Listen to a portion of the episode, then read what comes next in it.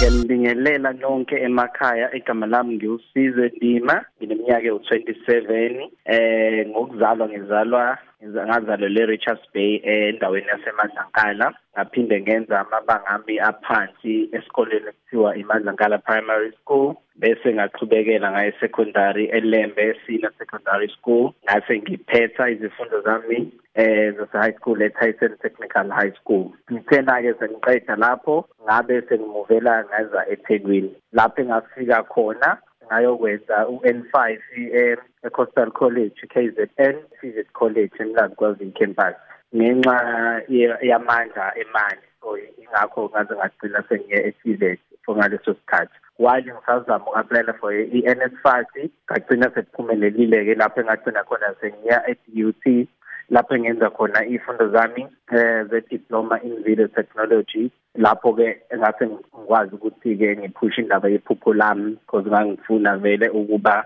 umuntu obehind the scene kwi-industry yamafilimu and television. So kuthena ke ngisafunda ngaba ne ngaba nethuba ukuthi ngikwazi ukuthi ngiphushe ngaze ngatholakala ngathola ithuba lokuthi ngikwazi ukungena e-gear house lapho engangifreelancer khona. Gear House is one of the technical companies ezenza ama-event amakhulu la eThekwini. So lapho ngathola khona-ke ithuba lokuthi ngikwazi ukuthi ngiveze iskill sami sokushutha so lapho ngangithola ithuba lokuthi ngikwazi kube u-camera operator wama-event akhona. So lapho nginephupho ilapho ngakwazi khona ukuthi ngihlangane nabantu abahlukahlukene ngishare i-skill sami through ukushutha so kuthe kusanjalo ke ngabe because vele iphupho lami it was a like iphupho elikhulu njengomuntu osamncane oyisukela emakhaya ungazi lutho into eningi kakhulu but iphupho likhona elikhulu ngenxa yokuthi mhlambe i-knowledge yayingekho lapho engangisuka khona in terms of le industry sengikuyona manje. So mangifika ke la eThekwini hayi ngangazi umuntu uyabona nje impilo ithafu ithafu nje it was very tough njengangokuthi ngangise ngibona ngathi amaphupho amayashabalala but-ke ngokukhonza unkulunkulu ngakho unkulunkulu ukuthi athembekele empilweni yami wakwazi ukuthi evule eminye iminyango ngokuphusha by ukusebenza like ngokuzikhandla njengomuntu omusha. So ngakwazi ukuthi ngitholeke ithuba lokuthi ngingene-ke e-DUT lapho engenza khona lezi zifundo zami ze-video technology ngakwazi ukuthi-ke ngifunde but while ngiqhubeka ngisebenze because ngangikwazi ukuthi because u-NSFAS wokhokha for iy'fundo kuphela but not for indawo yokuhlala nendaba zokudla no bangikhokhela for iy'fundo. So ukuze ngikwazi ukuthi ngiphushe kwakufanele ukuthi ngibe ngisebenze eceleni. Kwakungekho lula. Ngoba ekhaya kwakungekho umuntu osebenzayo. Okumele ukuthi ngizamele ngiyiphushele ngendlela yokuthi if mina ngingayizamile akekho omunye umuntu futhi ongangisiza. So hhayi ngaphusha-ke ngaphusha like ngizama ngifreelancer while ngisafunda? Kwathi ngo-twenty fourteen ilapho kase ngiqala khona enkampani inkampani yami ethiwa i-nation part media.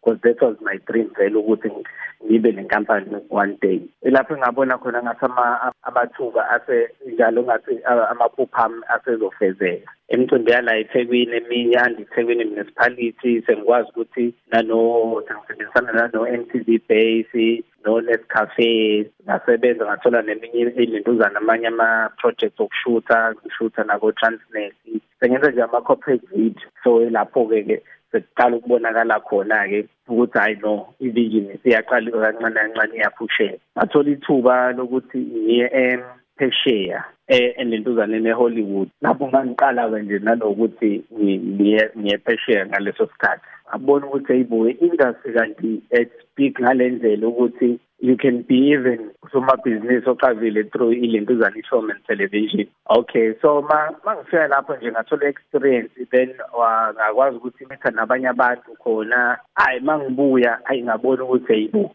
I know lento yethu lena i-serious you can push into ekanjena through inintuzana inkampani. So I so lapho ke ngithi kwathi ngelinye ilanga ngishuthe i-ICC kwaba khona enye inkampani yaphesheya eTaiwan eyayishutha lapho. So bathi mina uyazi mfethu we need someone ongasenzela i-drone la e-Durban. Ukhona omanziyo ngathi mina hayi no I can able to do that. Ngiyakhumbula ukuthi ngahamba ngayo hayirisha i-drone. Komunye umlungu afike ngayiharisha ngabashuthela kamnandi. Ewu baba hey bashe bathi bona hayibo hey we like your style of ukushoot ngelinye ilanga soyesisa ukuthi sisebenzisane nawe kwilentuzana kulama-program esiwenzayo lama-project esiwenzayo. Athi mina hayi no akunankinga banikeza-ke ilentuzana zami zokuxhumana. Kwathi-ke um following year twenty sixteen eh basho bathi hayi nonke sinenye iproject esizobe siyenza futhi e-America unayo ilentuzana izibiza kwathi uthi hayi vele sengike ngayo ke. Ngabatshela ukuthi hayi no ikhona ilentuzana izibiza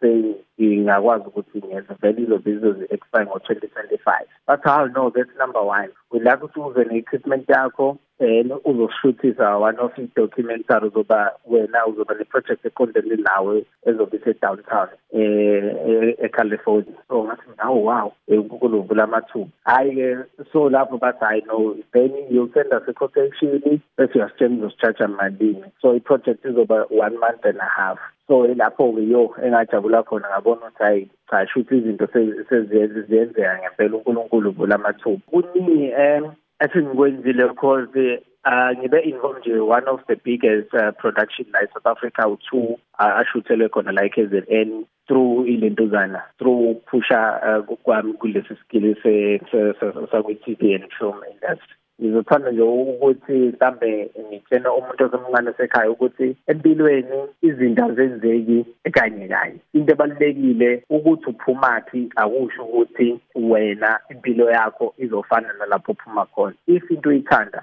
go for it and focus wenze sure ukuthi ufaka wonke umfutho wakho kuleyo nto and uthandaze ngaso sonke isikhathi ucela uNkulunkulu ukuthi akusize. Ngiyabonga.